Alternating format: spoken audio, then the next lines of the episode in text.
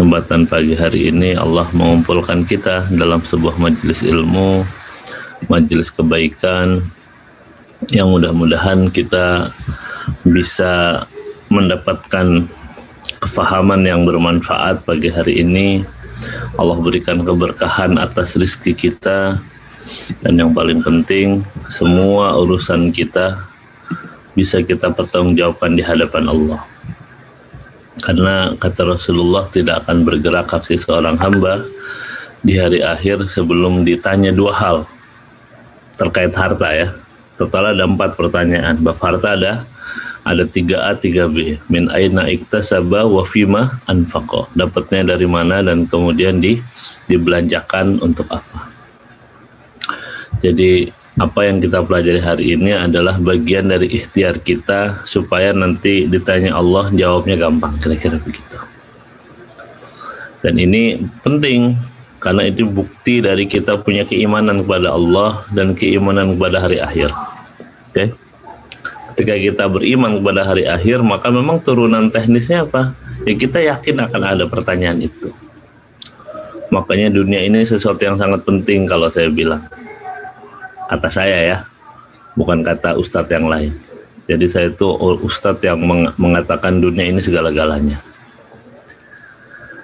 Segala-galanya dunia. Karena kita nggak bisa sujud di kubur kan ya gak? kita udah masuk alam kubur bisa nggak sujud lagi kan? Nggak bisa. Jadi dunia ini segala-galanya. Jadi kita harus mengoptimalkan dunia ini sebaik-baiknya sedemikian rupa. Karena cuma di dunia ini kita bisa menjalankan ketaatan yang ketaatan itu kemudian berdampak berdampak pada kehidupan setelah kematian kita. Kalau di survei itu penghuni kubur ditanya apa keinginannya, pasti kalau bisa jawab seremnya nggak kita takutkan. Tapi seandainya mereka bisa menjawab, kira-kira pasti mereka pengen balik ke dunia. Jangankan orang yang kafir, orang yang banyak maksiat, orang yang banyak keburukan, orang soleh aja pengen balik kok ke dunia. Supaya apa? Supaya bisa berbuat kebaikan lebih banyak lagi. Karena kemudian dia faham tidak ada yang lebih penting daripada apa yang dulu mereka lakukan di dunia. Gitu. Jadi saya berharap teman-teman bisa mengoptimalkan kesempatan yang Allah berikan di dunia ini sebaik-baiknya, bukan menjadi hamba dunia, tapi untuk mem, untuk memanfaatkan peluang yang Allah berikan dengan seoptimal mungkin. Ini kan peluangnya cuma satu di dunia ini Makanya ketika kita bisa, insya Allah uh, baik. Nah, apa pun urusan dunia kita kemudian berkorelasi dengan uang. Nggak ada, nggak ada apa pun, nggak ada apa pun urusan dunia kita kecuali pasti akan berurusan dengan uang. Karena uang adalah alat kita untuk melakukan transaksi dan hampir semua tiap hari kita melakukan transaksi. Jadi kalau ditanya kenapa sih penting kita belajar fikih muamalah maliyah misalkan. Satu alasannya karena kita orang Islam. Dan orang Islam itu wajib untuk memahami, mengerti, menjalankan, bahkan mempromot gitu. Sehingga hidup kita menjadi penuh dengan keberkahan. Kira-kira itu sedikit pengantar dari saya. Hari ini kita akan masuk tentang e-wallet dalam perspektif Islam. Kalau mungkin kita pernah ingat hadis ini, ini ada hadis yang terkenal sekali. Terutama bagian akhirnya biasa kita hafal tuh. Padahal hadisnya panjang sebenarnya. Cuma kan kita hobinya motong-motong hadis kan. Udah nggak hafal sanatnya, kita potong pula ya nggak? Itu hebatnya kita kita pasti kalau bagian akhirnya kita apal ala inna fil jasadi mudghah idza saluhat saluhal jasadu kulluh idza fasadat fasadal fasadal jasadu kulluh ala wahyal kalau pada badan kita ada segumpal darah kalau dia baik-baik semuanya kalau buruk-buruk semuanya itu adalah hati. Tapi sebenarnya hadis ini mulai dari depan nih panjang ini. Kalau Rasulullah Sallallahu Alaihi Wasallam berkata Nabi Sallallahu Alaihi Wasallam innal halala bayyinun wa innal harama bayyinun. Sesungguhnya yang halal itu jelas, yang haram itu jelas. Wa bainahuma mushtabihatun la ya'lamuhunna katsirun minan nas. Dan di tengah keduanya itu ada perkara-perkara yang nanti kita sebut sebagai perkara syubhat. Nabi mengatakan famanittaqa syubhat barang siapa yang berhati-hati dalam urusan yang urusan yang syubhat ini maka Allah akan istabra alidinihi wa ardihi wa, wa man waqa fi syubhati waqa haram. Kalau dia menjaga diri dari yang syubhat maka akan terjaga agamanya dan segala urusan dunianya lah kira-kira begitu. Tapi kalau orang yang suka cemplung-cemplung ke yang subhat ya mungkin akan gampang kecemplung ke yang haram. Arroi yar'a haulal hima yushiku ayar ta'afi. Seperti orang yang mengembalakan kambing kira-kira kemudian kita bawanya terlalu jauh.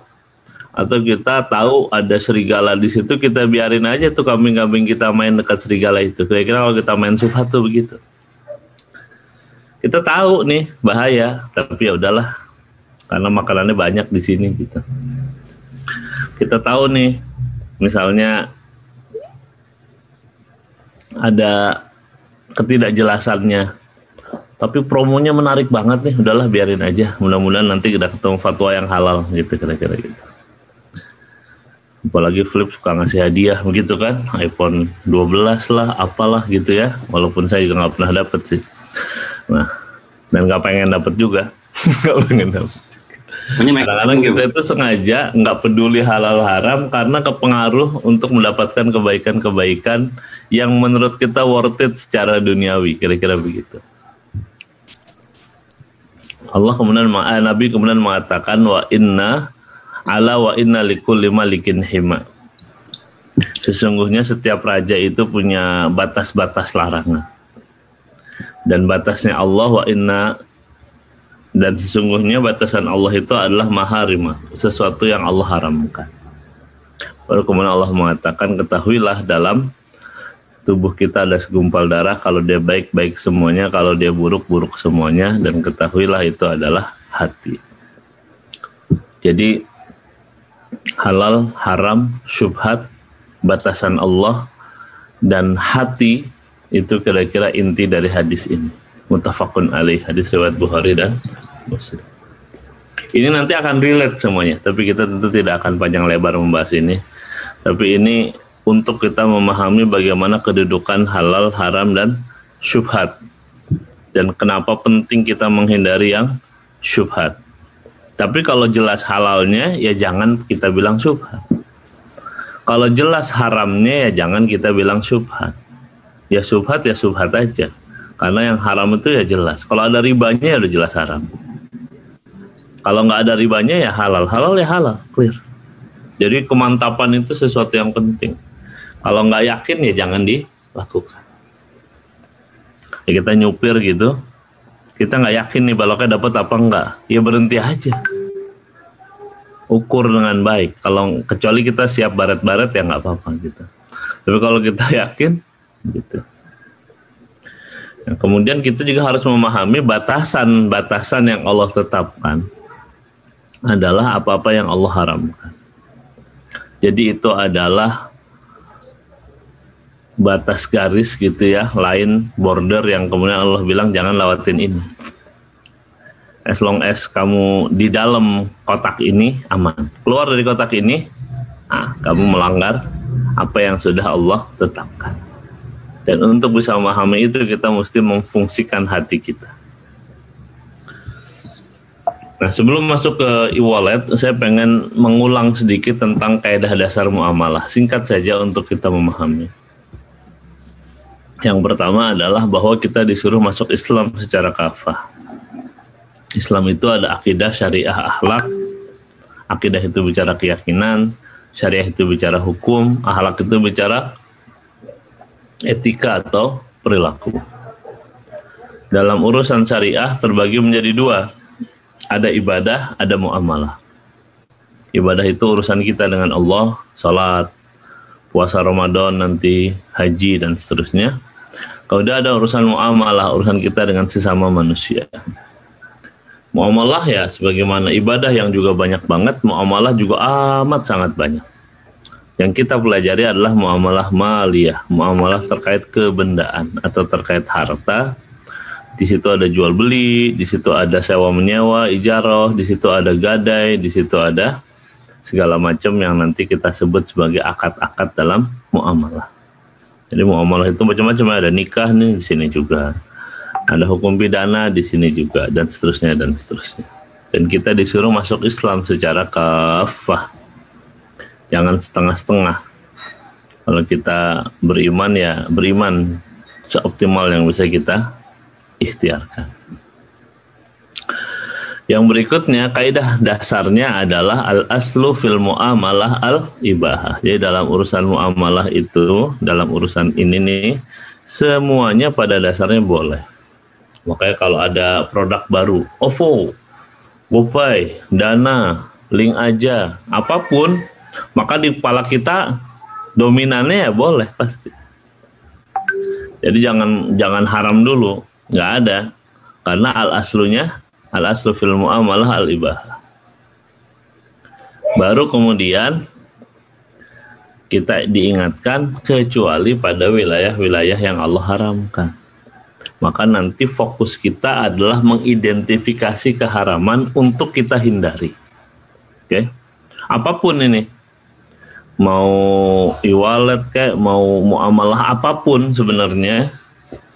Mau online, mau offline, mau apa pun, fokusnya kalau muamalah itu adalah mengidentifikasi keharaman supaya kita hindari dan kemudian kita bisa mencari solusi yang halal. Oke. Jadi hampir semua urusan muamalah itu sebenarnya boleh. Dan kalaupun ada bagian yang nggak boleh, kita bisa cari cara supaya dia jadi boleh. Gitu ya. Haram itu ada dua jenis, ada haram li dhatihi, ada haram li ghairihi. Ada haram karena zatnya, haram karena zatnya itu ya misalnya kita pakai OVO tapi buat beli babi pincuk misalnya, ya maka otomatis ya haram. Itu nggak usah dibahas. Kita nggak usah bahas OVO-nya boleh apa enggak orang belinya babi ya udah selesai perkara. Nggak perlu dibahas lagi. Itu haram karena zatnya. Kita kita pakai GoPay nih tapi misalkan buat beli wine gitu ya nggak bisa. Karena karena haram li zatihi. Yang kedua haram li nah ini yang nanti banyak kita bahas. Kalau zatihi kayaknya udah beres ya. Atau buat beli produk-produk pornografi ya pasti nggak boleh. Karena secara zat ya udah udah nggak boleh. Yang kedua haram li. Haram karena selain zatnya, biasanya karena transaksinya. Nah, kalau haram li ini kalaupun ada haramnya kita bisa carikan solusinya supaya menjadi halal atau menjadi boleh. Itu haram li ghairihi. Itu ya. Haram li ghairihi itu prinsipnya tidak boleh melanggar dua hal. Satu namanya prinsip antara diminkum yang kedua prinsip la tuzlimuna wa la tuzlamu. Ridho sama ridho sama la tuzlimuna wa la tuzlamun. Enggak boleh menzalimi dan enggak boleh dizolimi. Itu basis utamanya itu. Jadi ketika kita bicara antara diminkum, maka salah satu yang penting untuk kita pahami adalah kita harus suka sama suka dalam bermuamalah muamalah apa pun ini keluar topik dikit ya. Lagi rame di Twitter bahas sex consent misalnya gitu. Ya sebenarnya antara dimingkum di situ. Apakah antara dimingkum doang itu boleh? Orang zina suka sama suka boleh nggak? Boleh kata antara dimingkum tapi latu seribu nawalatu zelamun nggak ketemu. Karena pasti ada yang terzolimi ya nggak? Nggak mungkin nggak ada yang dizolimi. Itu masalah waktu doang entah hati entah anak entah apa pun yang kemudian muncul di balik itu. Maka dua-dua ini mesti berlaku. Ini di muamalah secara umum ya nggak cuma di urusan malia kalau lagi musim orang apa sih salahnya orang gitu suka sama suka kok? Saya rela kok ditipu gitu. Rela ditipu itu antara demingkum tapi agama juga menekankan nggak boleh zolim. Mau mau rela nggak rela kalau kalau zolim ada kezoliman di situ ya nggak bisa. Saya ikhlas kok ngasih ke bayar bunga ke perbankan gitu. Ikhlas itu nggak jadi ukuran. Apalagi kalau nggak ikhlas ya. Misalkan kamu rela nggak beli gula sekilo dapatnya sebenarnya cuma 9 on misalnya gitu. Mungkin kamu nggak sadar karena nggak pernah nimbang misalnya. Maka walulul mutafifin itu jadi ayat yang penting. Atau kamu mungkin boleh mengatakan, ah nggak apa-apa saya saya cuma terima 90 eh 900 gram nggak apa-apa. Bukan bukan 1000 gram. Baik kamu menerima atau tidak itu zalim dan nggak boleh. Nah kalau kamu nggak menerima lebih buruk lagi. Tapi normalnya orang nggak suka lah ditipu ya nggak sih? Kamu beli duku gitu, sekilo cuma dapat 8 on. Walaupun kamu apa namanya uh, ya mungkin kesel gitu tapi ya udahlah gitu. Tapi tetap aja nggak ridho tuh. Makanya dasar antara diminkum itu menjadi penting. Penipuan segala macam itu kemudian menjadi tidak boleh. Kenapa? Karena kemudian kita beli beli mobil bekas gitu. Nggak dikasih tahu gitu kalau shock breakernya bermasalah misalnya gitu. Begitu kita beli baru sebulan dua bulan mesti ganti ya kalau gantinya murah. Kalau gantinya 20 juta, 30 juta kita kesel juga kan. Sama aja kemarin belinya bukan misalkan 200 juta tapi 230 juta karena harus ganti. Makanya penting sih yang jual ngasih tahu. Ini udah sekian tahun saya pakai ini ada kekurangannya di sini di sini supaya apa? Supaya ridho sama ridho. Supaya paham. Saya nih mobil lagi mau jual mobil saya belum bayar pajak gara-gara covid nih kan saya males banget tuh. Nah, saya bilang nih setahun terakhir belum saya bayar pajak nih. Kalau mau beli ya dikurangin lah dari dari urusan pajak itu dan seterusnya dan seterusnya. Jadi satu antara diminggu. Yang kedua la tuzlimuna wa la tuzlamun. Tidak boleh menzalimi dan tidak boleh dizalimi. Sering saya kasih contoh mungkin beberapa yang pernah kajian saya riba itu contoh zolim yang paling nyata. Gara-gara riba ini yang ngomong bukan saya, yang ngomong BI. Risetnya BI 2012 menyebutkan variabel utama penyebab inflasi itu atau inflasi itu dipengaruhi dominannya oleh suku bunga. 52 persen kontribusi suku bunga terhadap inflasi. Inflasi itu apa? Inflasi itu kenaikan harga. Jadi tanpa sadar nilai uang kita tuh terus turun gara-gara inflasi. Kalau kalian duitnya banyak, mungkin nggak kerasa banget. Tapi kalau duitnya sedikit, gajinya tetap sama dari tahun ke tahun, harga naik, maka sebenarnya kita makin miskin dari waktu ke waktu. Dulu belas kilo 6 ribu, sekarang sekilo 8 ribu misalnya, atau 10 ribu. Maka dengan uang yang sama kita dapat beras lebih sedikit. Itu namanya inflasi. Kontributor utamanya apa? Suku bunga. Ini riset BI tahun 2012. Bisa di googling itu. Yang nulis namanya Pak Askaria. Ada di jurnalnya BI. Itu itu contoh yang sifatnya makro gitu ya. Jadi kalau kalian ngerasa ah enggak baik-baik aja kok, nggak ada masalah lah, cuma 6 persen, 5 persen.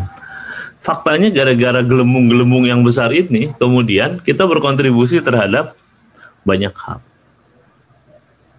Maka nanti kalau kita bicara OVO, GoPay, Dana, salah satu yang dibahas oleh ulama kita adalah bank penempatannya. Nanti kita ke sana lah, pelan-pelan ya. Riba tuh pasti zolim. Saya sering kasih contoh sederhana, misalkan Fadel minjem duit ke saya gitu, mau minjem duit dong, 100 juta buat bisnis. Bunganya 10% ya bang ya, nanti buat abang gitu. Terus saya bilang, oke, okay, fine satu hari riba gara-gara gara-gara bisnisnya lagi covid ini hancur lebur gitu utang bahkan ya karena komitmennya 100 juta plus 10 juta plus 10 persen dia harus bayar. Saya nggak peduli. Kalau saya bank nggak mungkin saya mengatakan udah nggak apa saya ikhlasin gitu. Kalau orang per orang mungkin masih bisa tapi kalau bicara tentang kalau bicara dana pihak ketiga ya bank kan bilang ya ini bukan duit kita juga, ini duit nasabah yang kita pinjamin ke Anda. Jadi si nasabah dizolimi, si Fadel dizolimi oleh saya karena saya nggak peduli. Atau sebaliknya, bisnis eh, karena Fadel pinter gitu ya, mungkin bisnis vaksin gitu atau bisnis apa gitu, alat tes apa gitu ya, antigen gitu. Wow, dari 100 juta yang saya pinjemin, untungnya satu miliar misalnya gitu tetap cuma bagi ke saya 10 juta ya nggak karena bunganya 10 persen kan saya bisa bilang ke Fadel nanti kan gede gara-gara aneh masa cuma 10 juta doang sih Ya kan nilai 10 juta kata Fadil. Ya udah. Sebenarnya saya tuh ya udah, tapi saya merasa dizolimi juga sebenarnya. Nah, beda kalau judulnya misalkan saya bilang ke Fadil, emang ente mau ngapain minjem 100 juta? Mau bikin bisnis ini bang? Apa uh, eh, PCR atau apalah gitu ya lagi COVID nih kayaknya untungnya gede saya punya jaringannya untuk bisa dapat regen, dapat segala macam gitu. Ya udah saya modalin, saya jadi sahibul mal, ente jadi mudorib. Ente kelola ada untung bagi dua gimana? Tapi karena ente yang capek 30 70 lah buat saya 30 ente 70 gitu nanti ada untung 10 juta 3 juta saya 7 juta Fadel nanti untungnya ada satu miliar 300 juta saya 700 juta Fadel itu itu sesuatu yang disepakati dan sama-sama menyenangkan jadi Islam itu selalu ingin kita tidak pernah menzalimi dan tidak pernah dizalimi jadi semuanya tumbuh bersama dalam kebaikan, dalam kebahagiaan, tidak boleh saling menyakiti satu sama lain. Kalau kita menyakiti itu sama aja dan mengambil harta saudara kita dengan jalan yang batu. Ada ada goror namanya. Goror itu uncertainty, ketidakjelasan. Ada maisir. Nah, maisir itu apa namanya? Hmm, gambling lah ya. Ada baik najas, ada talaki rukban dan seterusnya. Baik najas itu kira-kira kalau bahasa kita hari ini menggoreng harga sedemikian rupa. Orang ngerasa murah padahal muahal ya itu cuma sekedar pengingat awal saja ya tentang dasar-dasar muamalah. Jadi kalau di muamalah intinya kecenderungannya halal aja. Pokoknya dikit-dikit boleh itu kalau muamalah. Gitu ya. Jadi selalu di kepala kita dikit-dikit boleh, dikit-dikit boleh. Itu itu penting sekali. Jangan dikit-dikit haram, dikit-dikit haram itu nggak cocok tuh. Karena yang dikit-dikit haram itu adalah ibadah. Ibadah itu semuanya haram kecuali yang disuruh. Oh, padahal sesoleh apa pun ya salat subuh dua rakaat nggak bisa 12 rakaat, 20 rakaat gitu. Enggak saya bisa nih 20 rakaat. Subuh cukup kok. Saya sebelum setengah enam selesai gitu. Nggak bisa karena semuanya haram kecuali yang disuruh. Tapi kalau di muamalah semuanya boleh. Jadi dikit-dikit begitu ketemu OVO, eh ini kayak ini kayaknya boleh deh gitu. Jadi kecenderungan bolehnya harus lebih kuat. Tapi kemudian kita, jadi nggak perlu kita mendalili, mesti ada fatwa dulu nih untuk menjadi boleh gitu. Yang paling simpel ya sebenarnya kita lihat, kita melakukan identifikasi keharaman. Baru kemudian kita masuk ke ke lanjutnya. Bisa nggak dihindari? Nah, itu, itu itu yang paling penting. Nah sekarang kita bahas apa itu e-wallet ya. E-wallet itu ya sama-sama kita paham ya sebuah platform, aplikasi atau fitur yang dikembangkan untuk memudahkan pengguna dalam melakukan pembayaran. Ada yang QR code, ada yang NFC, ada yang OTP dan seterusnya. Tapi kira-kira simbolnya dibagi jadi dua ya. Satu yang diterbitkan oleh bank, ada Imani, Brizi, BNI Tap Cash dan seterusnya dan seterusnya. Kalau ini kayaknya nggak ada masalah ya kalau urusan urusan apa Imani ya. Kenapa? Karena nuker duit aja ya enggak. Yang lebih seru itu sebenarnya yang kayak OVO, Dana dan seterusnya yang, yang nanti kita bahas nih GoPay, ShopeePay dan seterusnya. Yang jelas e-wallet ini punya banyak keunggulan. Satu praktis, ya enggak? Praktis yaitu nggak ada kembalian itu sebenarnya bagian dari praktis ya. Mudah, aman, efisien, cepet ya nggak sih? Bayangin kalau kita kotak infak itu tinggal tap tap tap tap aja itu kan lebih enak pasti ya, lebih efisien ya Dan biasanya karena masih perkenalan banyak promo dan diskon. Kalau nanti banyak isu isu diskusi halal haram biasanya di promo dan diskonnya. Sama kemudian histori transaksinya ini yang paling penting.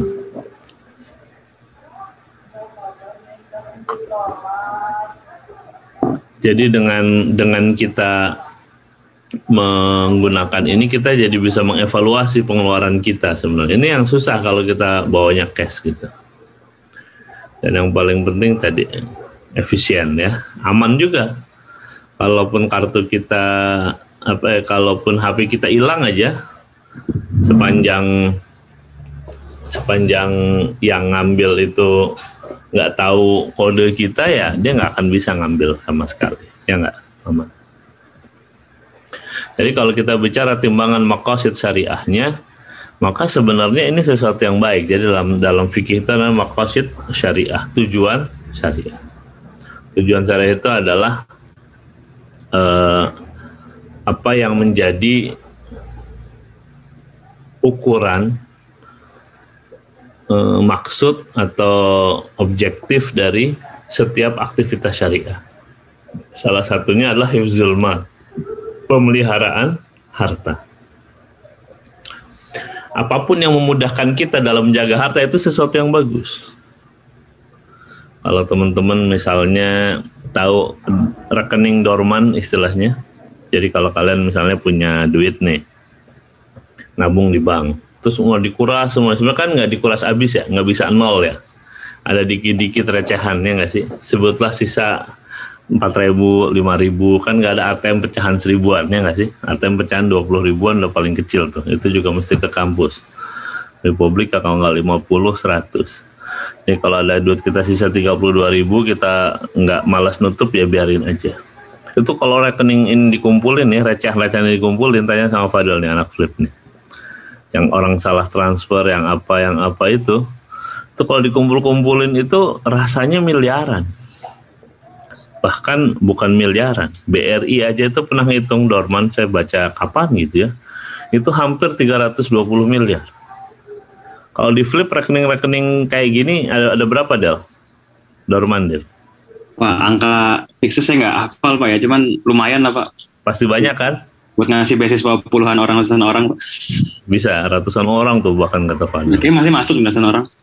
Artinya kalau kita pakai e-wallet, dan kemudian receh-receh itu kemudian nggak ada gitu ya karena nggak perlu kembalian dan seterusnya efisien dan seterusnya kita lebih menjaga harta kita secara keseluruhan ya nggak sih? Kita ini terlalu banyak sumber daya yang idle. Makanya ketika ada aktivitas yang memudahkan kita menjaga kita dari kehilangan, apalagi dari kemungkinan dicopet, diambil gitu ya. Saya belum tahu ada cerita misalkan babi ngepet bisa ngambil e-wallet kita gitu kan? Belum ada ceritanya gitu nggak ada kalau babi ngepet ngambil duit orang katanya bisa gitu ya. Tapi sekarang apa iya kita perlu uang ya sih? Saya sendiri kayaknya udah lama banget nggak ke ATM kapan terakhir ke ATM ya? Rasanya udah lama sekali. Rasanya sudah amat sangat lama. Iya kalau saya pikir-pikir udah. Apalagi sekarang kan segala-gala juga udah bisa kayak gara-gara covid juga terbatas juga aktivitas ya. Saya ngisi bensinnya sebulan sekali paling. Saking nggak ke mana-mananya gitu. Tapi intinya adalah saya ingin mengatakan bahwa apa pun yang memudahkan kita dalam menjaga harta maka itu pasti sesuatu yang baik. Dan namanya fitur atau tools itu pada dasarnya ya mubah. Makanya beda gitu kalau kayak kita bahas nih kunut boleh nggak? Kita cenderungnya kalau kita belum tahu ya nggak dulu. Tapi kalau urusan OVO, GoPay gitu, kita cenderungnya ya boleh dulu sambil kita, sampai kita kemudian ketemu identifikasi kehalalan cuma alat doang ya nggak sih Nah, baru kemudian kita identifikasi keharamannya. Nah, untuk bisa mengidentifikasi keharaman, kita lihat fatwa MUI. Jadi teman-teman nanti bisa cek fatwa DSN nomor 116 DSN MUI 2017 tentang uang elektronik syariah. Nih kalau mau saya tunjukin, saya kayaknya tadi udah sempat buka. Fatwa, ini fatwanya nih. Bisa di download itu gampang. MUI itu terbuka sekali, semua fatwa dia bisa di download. Ini ada fatwa uang elektronik syariah, fatwa dan syariah nomor 116 DSN MUI 9 tahun 2017. Ini detail semua nih dari mengingat terus apalagi Quran hadis gitu ya selalu begitu ini kaidah yang tadi saya bilang al aslu fil muamalati al ibaha illa ayyadullah dalilun ala tahrim Dasarnya segala bentuk muamalah itu diperbolehkan kecuali dalil yang mengharamkan. Ad-dororu yuzal, segala kebahaya bahaya itu harus dihilangkan. Ad-dororu yudfa'u biqadril imkan. Bahaya cegah sebisa mungkin. Jadi bahkan kalau imaninya bikin aman ya bagusnya didorong bahkan gitu ya untuk orang pakai uang elektronik. Tapi nanti kita bahas ya turunannya. Terus banyak nih macam-macam macam-macam ya. Memperhatikan terus memutuskan fatwa pertama ketentuan umum Ini semuanya dibahas satu-satu. Ketentuan hukum. Hukumnya apa? Boleh. Dengan ketentuan sebagai berikut. Ini ketentuan terkait akad dan personal hukum. Ketentuan terkait ketentuan biaya layanan fasilitas, ketentuan dan batasan pelanggaran penggunaan elektronik dan seterusnya dan seterusnya. Tanda tangan nih Pak Kiai sama Buya Anwar Abbas. Cuma kayaknya agak pendiam ya sekarang ya. Nah kalau Buya masih penuh semangat. Buya Anwar Abbas. Tapi kita nggak ngomongin politik, bahaya. Saya disalahin sama Fadel. Ya kembali ke tadi ya. Kenapa? Takut disadap pak. Takut disadap ini Zoom nggak aman nggak ini. Bilang Pak Wapres pendiam tersalah lagi. Padahal emang beneran pendiam. Orang baik itu kan pendiam karena diam itu emas ya nggak sih. Atau kalau teman-teman baca AWV ini standar internasional nah, nomor 38 ada topik tentang amulat al elektronia. Sama lah isinya mirip-mirip. Nah singkat cerita saya bantuin baca intinya untuk urusan kita kira-kira tiga lah ukurannya.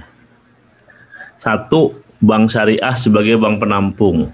Jadi jumlah nominal e-wallet yang ada pada penerbit ditempatkan di bank syariah. Kenapa? Untuk memastikan duit kita itu kemudian nggak dipakai untuk urusan-urusan yang ribawi. Makanya saya kalau ngisi sekarang pakai BSI, Bank Syariah Indonesia.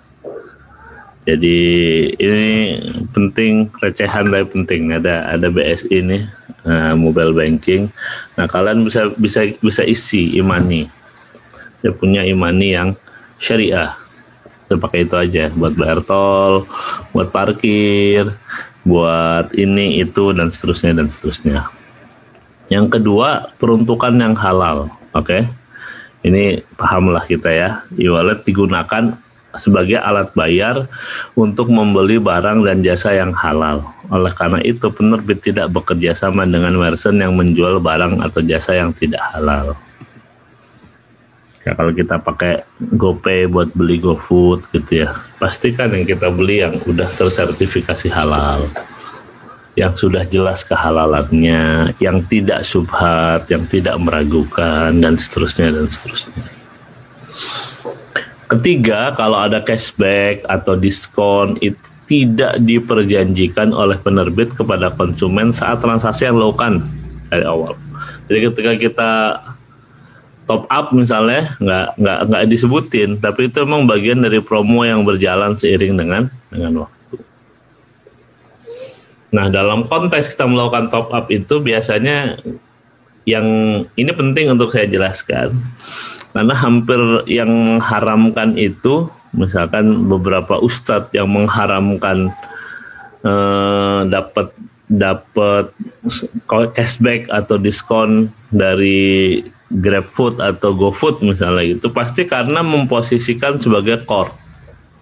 Jadi ketika kita top up, kita sebenarnya minjemin atau nitipin sih uang kita. Makanya makanya di Fatwa MUI tadi disebutin kalau wadiah tuh kayak apa, kalau kort kayak apa.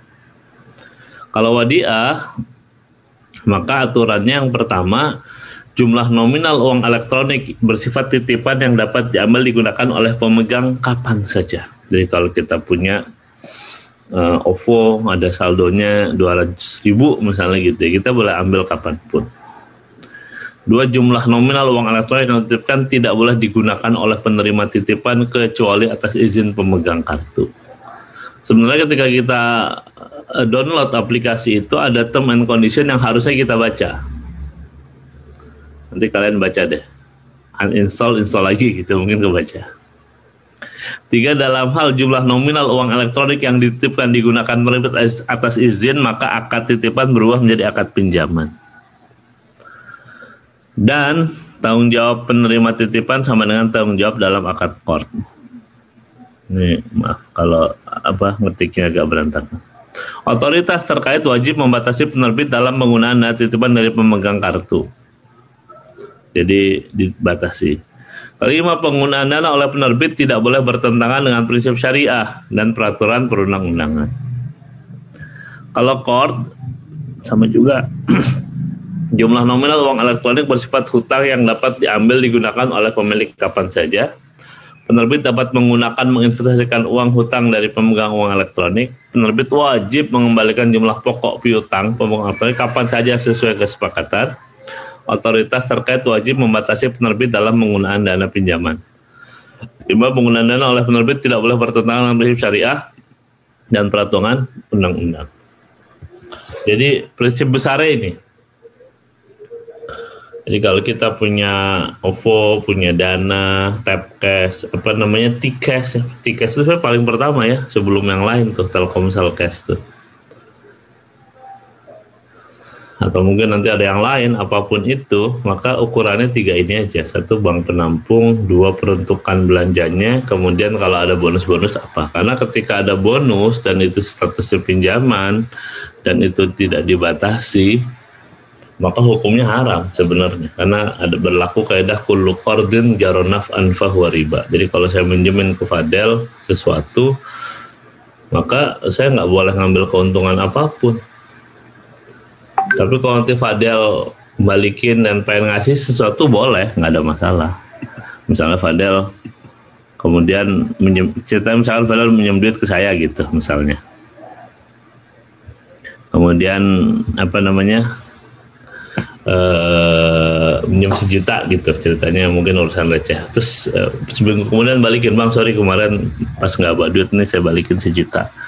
Oh ya bang ini ada saya beliin pizza misalnya gitu kalau pizza itu sudah dijanjikan di awal maka hukumnya haram tuh tapi kalau pizzanya dia bayar eh, sambil ngasih uang kembalian dan nggak pernah disepakati, saya nggak pernah minta, maka boleh nggak ada masalah. Itu itu poinnya.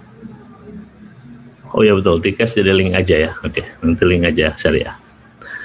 Oke, kondisi darurat. Nah, kadang-kadang kita kemudian suka me, suka me, menyandarkan, ah kita masih pakai karena darurat nih, kita perlu pakai kita kan pedagang ya.